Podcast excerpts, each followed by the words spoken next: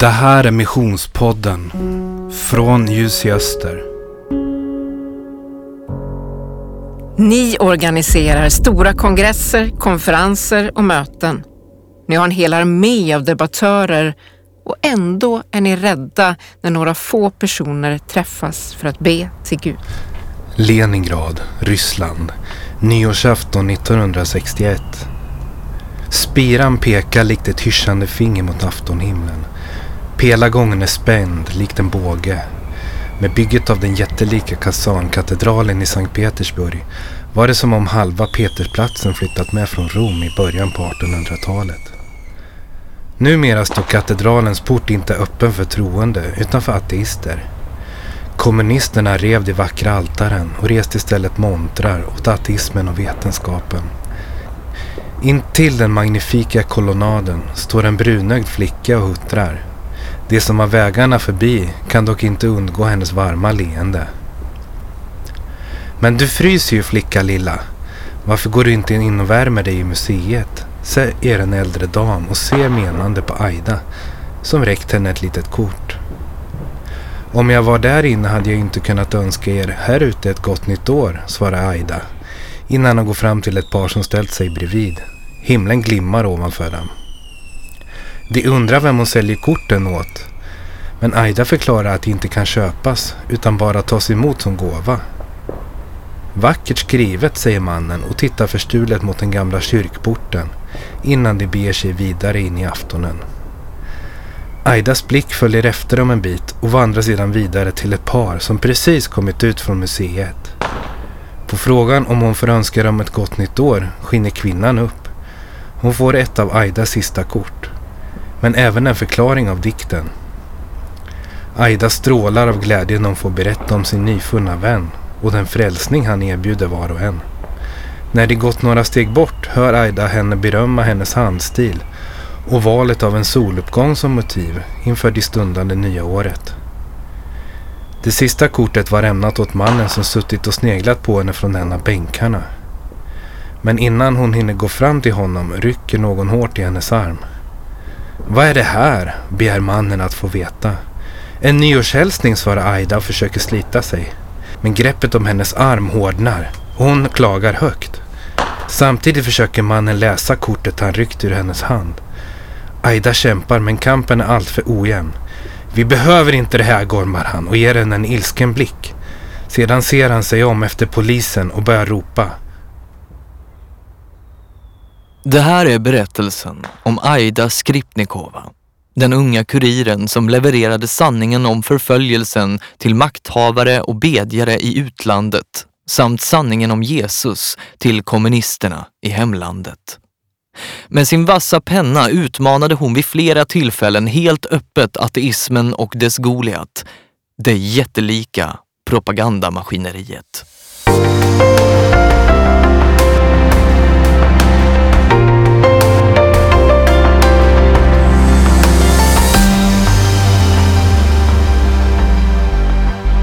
Efter andra världskriget sluter sig det redan slutna Sovjet ytterligare genom att bygga murar och resa taggtrådsstängsel mellan öst och väst. Detta för att ingen eller inget ska komma sig vare sig in eller ut ur landet utan myndigheternas tillstånd. I den västra och kapitalistiska delen av världen råder bland annat åsiktstryck och religionsfrihet. Hos grannen i öst straffas människor med egna åsikter. Trots att religionsfriheten var lagstadgad i Sovjet trakasserades troende ständigt. Om man höll sig i den snäva och övervakade korridor som myndigheterna skapat var det inga problem. Men om man bad i hemmen, gav bort en bibel eller för den delen berättade om sin tro för andra fick man genast problem. I väst skulle en dikt om kristen tro inte orsaka några som helst rabalder. Men vår huvudperson befann sig på den andra sidan av järnridån där storebror, alltså myndigheterna, både ser och straffar den som delar sin tro. Aida Skripnikova föds 1941 och får redan som barn uppleva hur troende släktingar och familjemedlemmar rycks bort av kommunisterna. Med tonåren svalnade den tro på Gud som hon haft som barn och som hennes far dött för. Det var först när hon lät sig fascineras av broderns lugn inför livets slutskede som tron började glöda igen. När brodern dog sökte hon upp den bönegemenskap i Leningrad, nuvarande Sankt Petersburg, som han tillhört och inom kort klarnade det även för henne. Hon blev en kompromisslös kristen och var ivrig att berätta om Jesus. Aida uttryckte sig bäst genom pennan och författade en dikt om behovet av att finna Gud innan vi dör. Så här stod det på vykorten som delades ut utanför Kazankatedralen på nyårsafton 1961. Gott nytt år 1962. En nyårsönskan. Våra år flyr bort, ett efter ett utan spår. Sorger och svårmod försvinner, burna bort av vårt liv. Denna värld, denna jord är så flyktiga, allt de har når ett slut. Livet är viktigt. Lev inte sorglöst. Vilket svar vill du skaparen ge? Vad väntar min vän bortom graven? Svara på frågan medan ljuset finns. Kanske imorgon ren inför Gud skall du för allt stå till svars. Tänk på detta djupt i din själ, ty i evighet blir du ej här. Kanske redan imorgon ska du för evigt bryta banden med denna värld. Sök Gud medan han står att finna. Tanken om att en dag behöva stå till svars inför en gud upprörde många i Sovjet. Kommunisterna hade i decennier gjort allt i sin makt för att utrota denna skadliga vidskepelse. Man hade till och med sänt ut kosmonauter i rymden och inte heller där hittat någon gud. Ateismen var enligt staten den enda vettiga trosuppfattningen. Av den anledningen började det kommunistiska propagandaartilleriet beskjuta den unga Aida. Hon hade arresterats och dömts till att förvisas ur staden. Men det tog flera år innan domen verkställdes och under den tiden duellerade hon öppet med propagandamaskineriets skribenter. Sovjetiska tidskrifter inledde en förtalskampanj mot Aida som svarade med både artiklar och privat brevkorrespondens. Hennes flera sidor långa svar till skribenten Valen Ivanovich Kudzin på ungdomsmagasinet Smena är skarpt som en knivsägg. Låt oss föreställa oss att ni och jag tävlar i en kapplöpning. Plötsligt binder ni samman fötterna på mig och springer själv i mål. Hurra, jag vann! ropar ni i triumf och vännerna lyckönskar er. Jag vill påstå att ni handlat oärligt och föreslår en rättvis tävling. Knyt upp banden kring mina ben, ge mig frihet så ska vi se vem som vinner. Med den liknelsen understryker Aida att en objektiv bedömning skulle visa att kampen är ojämn och på olika villkor. Det är inte hon som är rädd, utan den som tar till oärliga knep för att vinna. Aida menade även att hennes meningsmotståndare farit med osanning och att hon behövde upplysa folket om det. Valen Ivanovic ska då ha svarat henne “Som du vill. Om du vill se dig själv bakom galler så gör det.” Han börjar alltså inte som övertygad ateist argumentera för sin övertygelse utan lutar sig istället tryggt mot den korrupta statsapparaten. Under fötterna på statens tjänstemän verkade en underjordisk tryckerirörelse som hjälpte Aida med att sprida sina ord. Deras publikationer var illegala och allt sköttes i hemlighet. De kallades Samidsat-rörelsen, egenutgivarna. Vid den här tiden reste svenskar in i Sovjet för att söka upp och hjälpa kristna. Bengt Sareld var en av dem som började engagera sig för syskonen bakom järnridån. Han pluggade ryska och reste år 1963 på språkresa till Leningrad. På grund av bibelbristen packade han med sig några ryska biblar till de kristna i Sovjet. Ungdomarna som han mötte i en av kyrkorna blev nyfikna och bjöd med honom till en picknick i parken. Det var där han började prata med Aida Skripnikova och hon hade mycket att berätta. De stämde träff på stan och vänskap uppstod. Så småningom började de smida en plan för hur man skulle upprätta en fortsatt kontakt mellan kristna i Sverige och kristna i Sovjetunionen. Var det möjligt att lite mer regelbundet smuggla in fler biblar och även underrätta svenskarna om vad som skedde i Sovjet? Efter mötet med Bengt blev Aida Skripnikova Jussi Östers, dåvarande Slaviska missionens, hemliga kurir i Sovjet. Genom Samsidat-rörelsen skapade hon sig ett stort nätverk över hela Sovjetunionen. De spred rättegångsprotokoll, fånglister, tidskrifter och vittnesmål som Aida smugglade ut ur Sovjet via sina svenska kontakter. Vid den här tiden gick informationen först genom Slaviska missionen och vidare ut i världen till till exempel FN-delegaterna i New York. 1964 förvisades Aida från Leningrad. Hon reste söderut till Ukraina för att därifrån sprida informationen utomlands. Aida blev mycket inspirerad av de kristnas mod i dessa trakter. Trots att hon saknade uppehållstillstånd återvände Aida till Leningrad under våren samma år. På vägen till Leningrad blev det uppenbart att myndigheterna inte släppt henne ur sikte. KGB vände upp och ner på vännernas lägenheter i jakten på henne. När Aida mötte några av vännerna i skogen upptäckte polisen dem. De jagade ikapp Aida, arresterade henne och bötfällde de andra. Aida dömdes till ett års fängelse. I fånglägret vann hon medfångarnas förtroende och de var mycket vänliga mot henne. De som varit nyfikna på hennes tro blev även hjälpsamma och smugglade därför in både papper och penna åt henne. Aida fick vänner i lägret men saknade sina kristna bröder och systrar. Hon var under den första tiden den enda evangeliskt kristna i lägret. En lördagkväll anlände en ny fångtransport till arbetslägret. Bland dem hittar Aida en troende kvinna vi valt att kalla Mikaela. Aida sprang fram till Mikaela, kramade om henne och hälsade henne sedan välkommen till lägret. De två trossyskonen blev bästa vänner och umgicks så ofta det var möjligt. En söndagsmorgon samlade de några av de mest nyfikna till en liten gudstjänst under ett av träden på gårdsplanen. Flera satte sig ner bredvid dem och inom kort hade nästan hela lägret, över tusen fångar, kommit för att lyssna. Då bestämde sig Aida och Mikaela för att förvandla klockan tio gudstjänsten till ett väckelsemöte.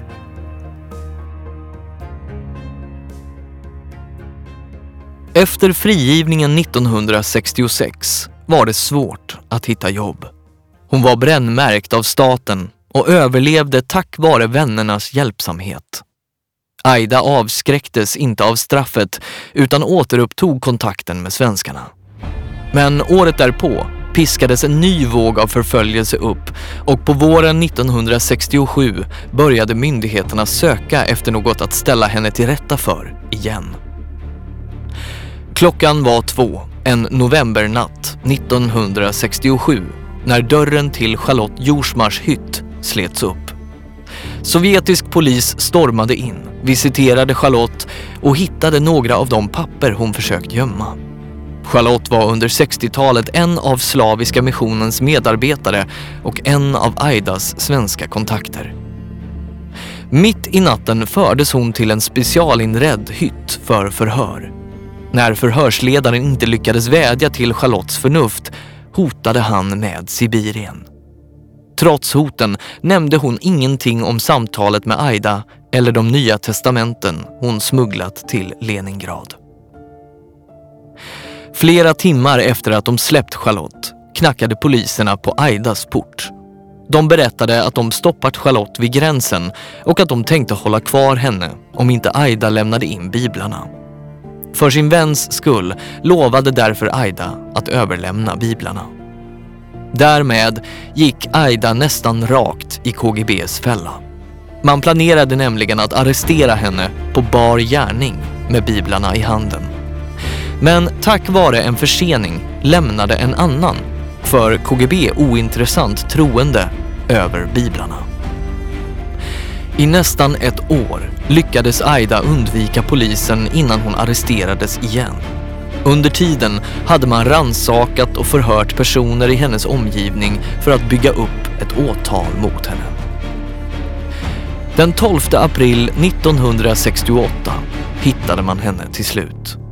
Skuggad av KGB ledde hon poliserna omedvetet hela vägen från gudstjänstlokalen hem till lägenheten. Morgonen därpå undersöktes rummet minutiöst och man hittade mängder av dokument som ansågs vara skadliga för staten. Enligt de sovjetiska myndigheterna var allt frid och fröjd i landet. Allt skulle åtminstone se bra ut, utåt. Av den anledningen tystade man den som påstod annat genom att ställa dem inför rätta. Rättegången inleddes den 11 juli samma år. Rättens mål var alltså att hindra Aida från att informera om lidandet i Sovjetunionen. Till myndigheternas förtret blev effekten den motsatta. Plötsligt en dag fick man på Slaviska missionens expedition i Stockholm ta emot ett tjugotal stora tygstycken som en smugglare lindat runt kroppen. På dem var hela rättegångsprotokollet kopierat ord för ord. Det märkligaste var att det var Aida själv som hade skrivit det. I väntan på att straffet skulle verkställas hade Aida nämligen begärt att få läsa rättegångsprotokollet. Hon fick ha det i cellen under några dagar och passade då på att skriva av det rad för rad på sänglakanen. Det över 50 A4-sidor långa rättegångsprotokollet smugglades på så vis ut och blev exakt vad de ryska myndigheterna ville undvika. En inblick i hur de troende i landet ställdes inför rätta för sin rätt att vara bekännande kristna. Utifrån detta unika dokument har vi sammanfattat ett utdrag som visar vad rättegången egentligen handlade om. Huruvida det Aida skrivit och förmedlat om förföljelsen var sant eller inte.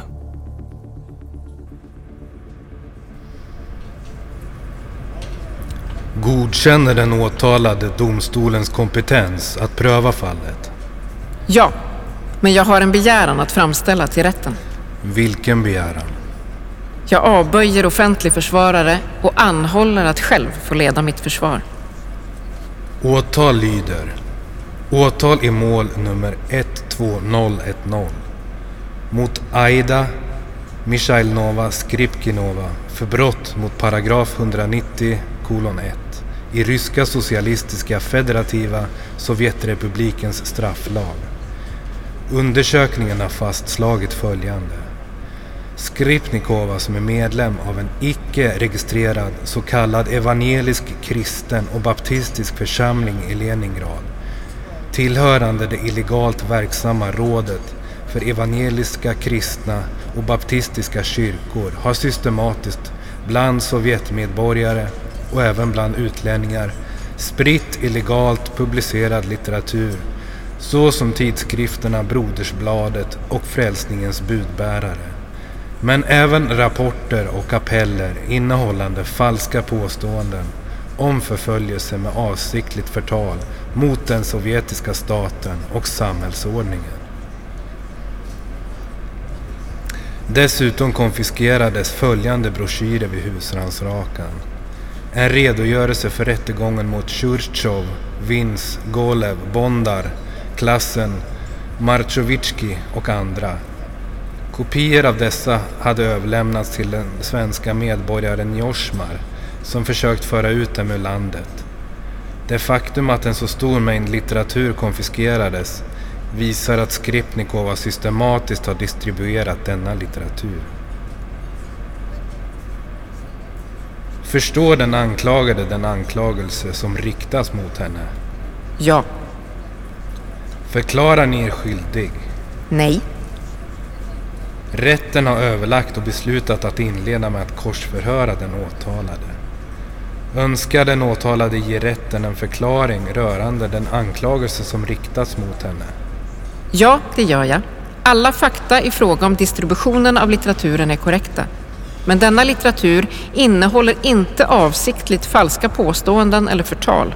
Den utgör alltså inte ett brott mot paragraf 190.1. I artikeln Ett århundrade av kamp och lidande I tidskriften Frälsningens budbärare sägs det att det förekommer förföljelse av troende i Sovjetunionen, att folk avskedas från arbetet och inte tillåts studera. Ni skickar denna tidskrift utomlands och där kommer man att dra sina egna slutsatser, nämligen att i stort sett alla troende i Sovjetunionen förföljs utan att du visar på fakta. Frälsningens budbärare publiceras inte för folk utomlands. Alla vi troende känner mycket väl till förföljelserna. Men fakta kan inte räknas upp för då skulle en artikel som denna uppta hela tidskriftens utrymme. Vi beskriver de troendes situation som den verkligen är. Jag håller med er om att beskrivningen inte är tilltalande, men så ser det verkligen ut. Och det måste vi berätta. I Frälsningens budbärare nummer 15 sägs det att barn till troende förföljs i skolan. På vilket sätt menar du att dessa barn förföljs? Barn frågas ut i skolan och tas ifrån sina föräldrar på grund av den kristna uppfostran som dessa låter dem få. Det är förbjudet i lagen att försöka tvinga på underåriga en tro. Men lagen förbjuder inte att man tvingar på dem ateism. Ateismen är ingen religion. Ett barn växer upp och måste sen själv avgöra sin inställning till tron. Ateismen tvingas inte på det. Men vad ska man säga till ett barn?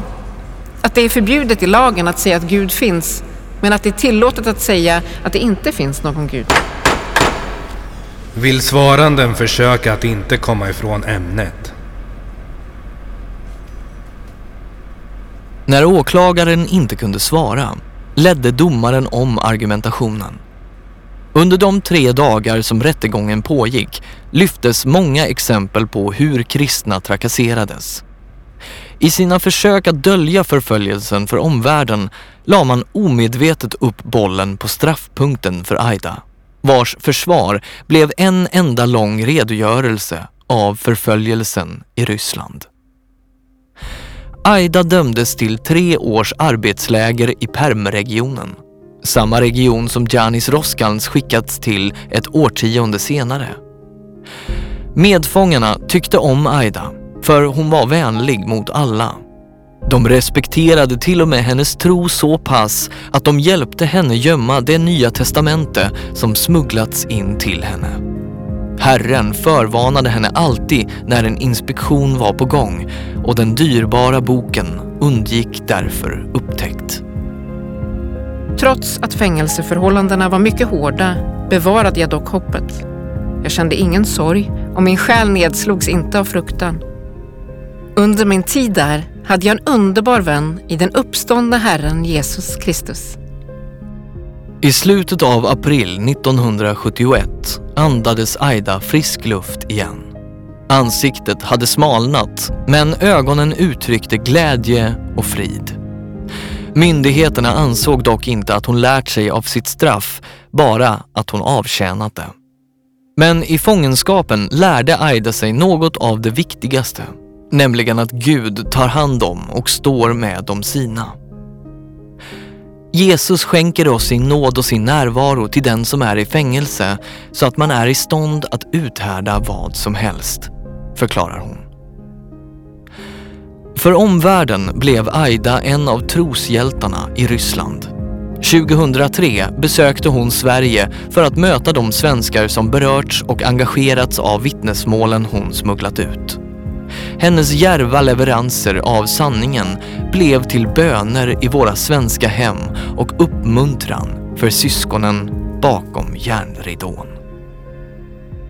Berättelsen om Aida Skripnikova är en berättelse om en av Rysslands modiga kristinnor. Hon var en av Guds hemliga agenter och hennes mission var att underrätta och engagera. Genom Aida väckte Gud syskonkärleken mellan de förföljda och de fria. Den kärlek som binder den universella kyrkan samman. Som gör deras sak till vår och den förföljdes bön till min bön.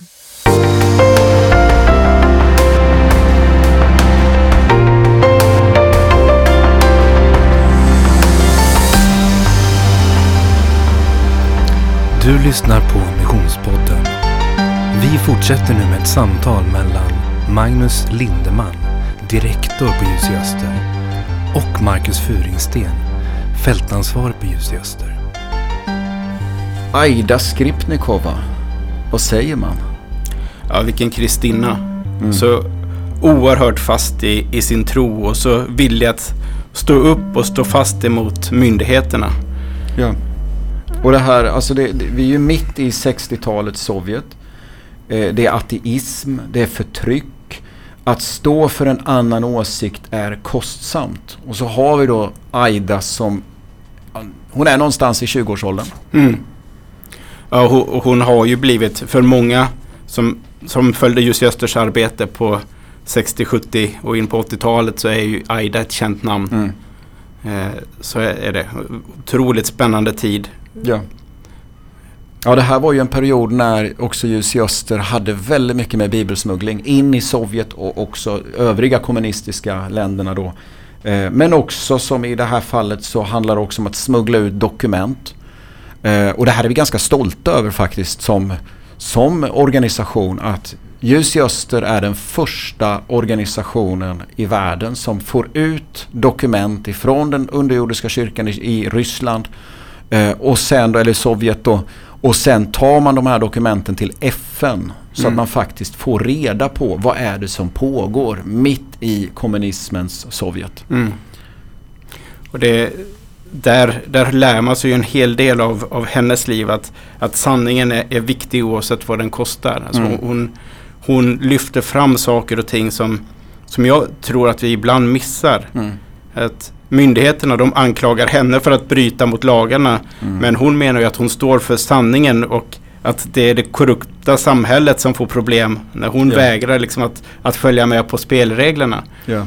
Så att hon utmanar ju egentligen de reglerna som de har, att de böjer på, på lagarna. Ja. Eh, det tycker jag är rätt fascinerande att hon inte bara accepterar att, att nu döms jag efter de här korrupta lagarna utan hon, hon står upp och kritiserar dem och säger ja. det, här, det här är inte rätt. Ja. Eh, och utmanar dem på så vis. Ja. Det tycker men, jag är otroligt starkt. Ja, och just det här enorma patoset för sanning. Mm. Eh, alltså det, det Eh, ja, men det fascinerar och det utmanar. Mm. Och jag tänker också i detta så kopplas det också detta med priset faktiskt att följa Jesus. Och hur Aida visar på att det är värt det. Oavsett vad det kommer att innebära. Ja. Eh, och det ligger också en överlåtelse i detta. Att min tro är på riktigt. Precis. Det är starkt. Och där känner ju vi att vi, vi har någonting att ta med mm. till, till oss idag och lära oss ja. av, av hennes som frispråkighet, hennes rättspatos, att våga stå upp och ta med oss den frimodigheten in i, i vårt liv och vår situation. Ja. Så att vi idag också får stå upp för religionsfrihet eller rättigheter som, ja. som vi har bestämt ja. över vår värld egentligen som, som gemensamma rättigheter. Nej men precis och i UC Östers arbete så är det ju att huvuddelen handlar om fokus på att evangeliet ska nå ut till onådda folkgrupper. Eh, men samtidigt så har vi också en del projekt som vi då lägger under vad vi ibland brukar kalla för Barnabasfonden. Där det då kan handla om det här med religionsfrihet, eh, stöd till förföljda kristna och hitta vägar framåt. Mm. Eh, och ett sånt där projekt som, som vi jobbar med idag är direkt ifrån ett land som heter Laos. Mm. Eh, och vad är det för projekt? Det är ett eh, familjeboksprojekt heter det. Och mm. Familjebok kan ju låta lite udda men i Laos är det så att om du inte har din historia nedskriven så att säga i en familjebok där det visar på din, din historia i landet så räknas du inte som medborgare. Nej. Så att det här är din, ditt pass eller din, din historia i landet som då går under begreppet familjebok. Ja. Och, det, nej men precis, och det, det som är så speciellt i Laos är ju att man talar om att man kanske har 7 miljoner invånare. Mm. Men räknar man då, det är folk som har räknat på risåtgången. Och utifrån det så pratar man om att ja, men den verkliga befolkningen i Laos är nog ungefär 20 miljoner. Mm. Så vi har alltså omkring 13 miljoner kanske någonstans. Det är ju inte exakta siffror det här. Men som alltså då inte är medborgare. Mm. Precis, och bland de här som inte är medborgare så finns de flesta av de som är kristna. Ja. Eh, och det gör också att de, de, får, bli, de blir utsatta för förtryck och de får fängelsestraff. Mm. Någonting de inte får om de har en familjebok. Därför Ja. att enligt lagen så får du inte förfölja dem. Men om du är olaglig i landet, ja men då kan polis och annat sätta åt dig lite mer och, och förtrycka dig. Ja. Så att där, där finns ju ett, ett arbete att göra Ja. för att få de här människorna som, som egentligen är medborgare, kan ha bott i Laos sedan flera generationer. Mm. Det är bara att de inte har blivit inskrivna i systemet. Ja. Så de går tillbaka och försöker få hitta sin historia i landet och så publicera den och på så vis blir de medborgare. Ja.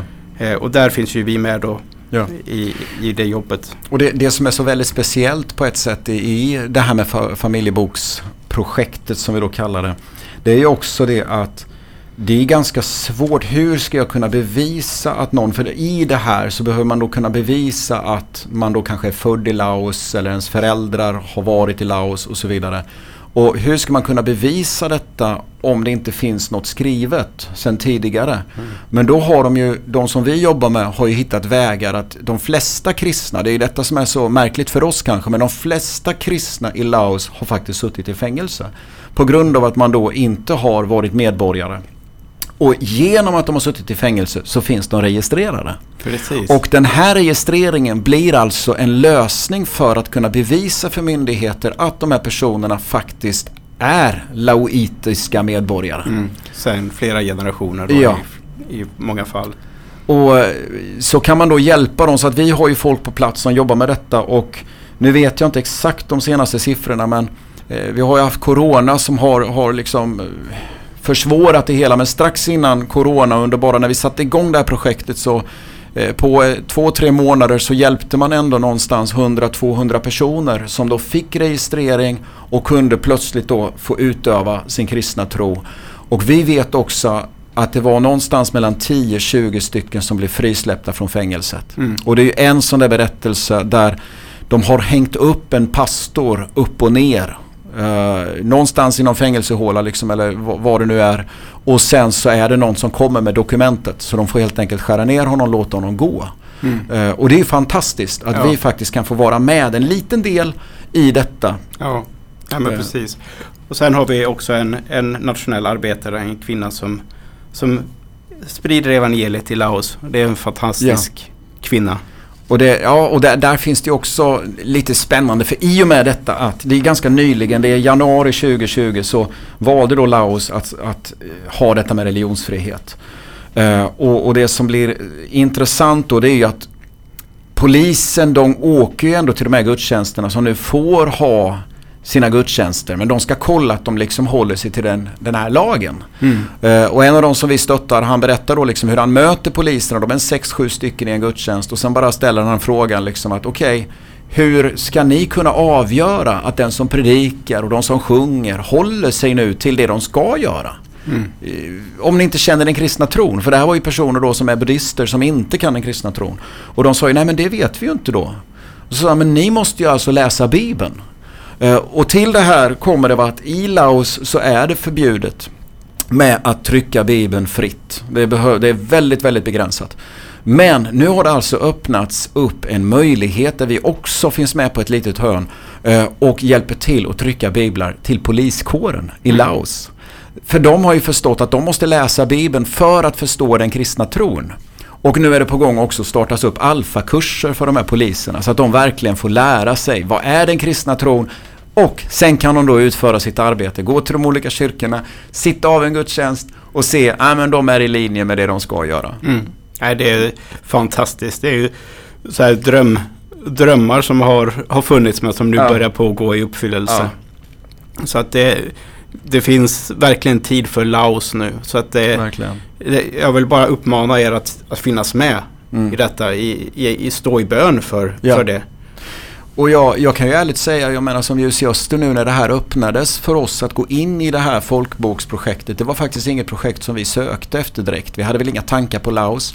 Men plötsligt så, så kommer det mer eller mindre och läggs i vårt knä. Och vi känner vid det tillfället när det berättas om det här så känner vi liksom enhetligt bara att vi måste in i det här. Mm. Eh, Vi vet inte hur länge. Alltså det, ibland så får vi vara med och starta upp någonting Mm. i något slags projekt. Men eh, sen så kanske vi släpper efter ett tag. Liksom så här? Men, men i det här läget så kände vi vi måste vara med. Ja.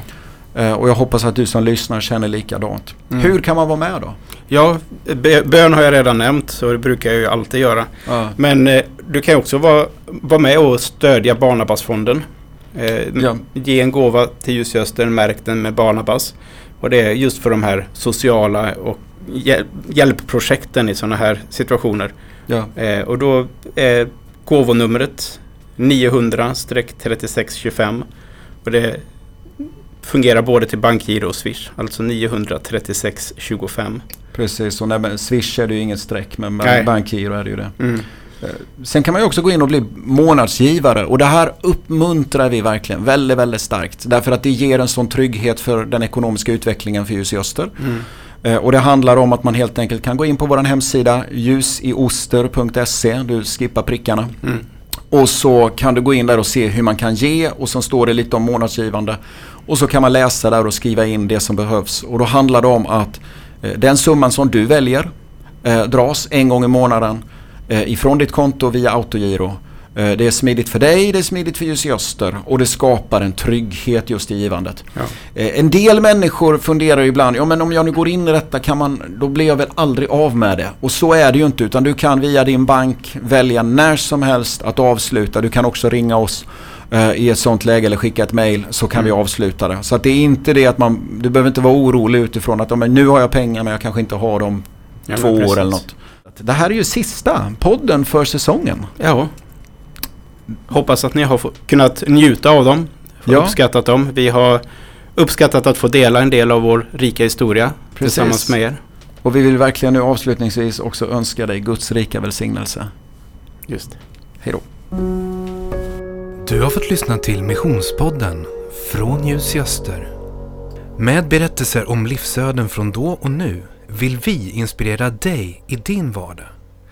Vi har pusslat ihop deras livsöden och insett att dessa män och kvinnor utmanar oss till att gå all in för Jesus. I mer än hundra år har Ljus i Öster arbetat med att nå onådda folk. Denna sommar får du chansen att lyssna till och bli en del av vår historia. Vi startar den 24 juni. Du finner oss där man hittar poddar och på vår hemsida ljusgöster.se.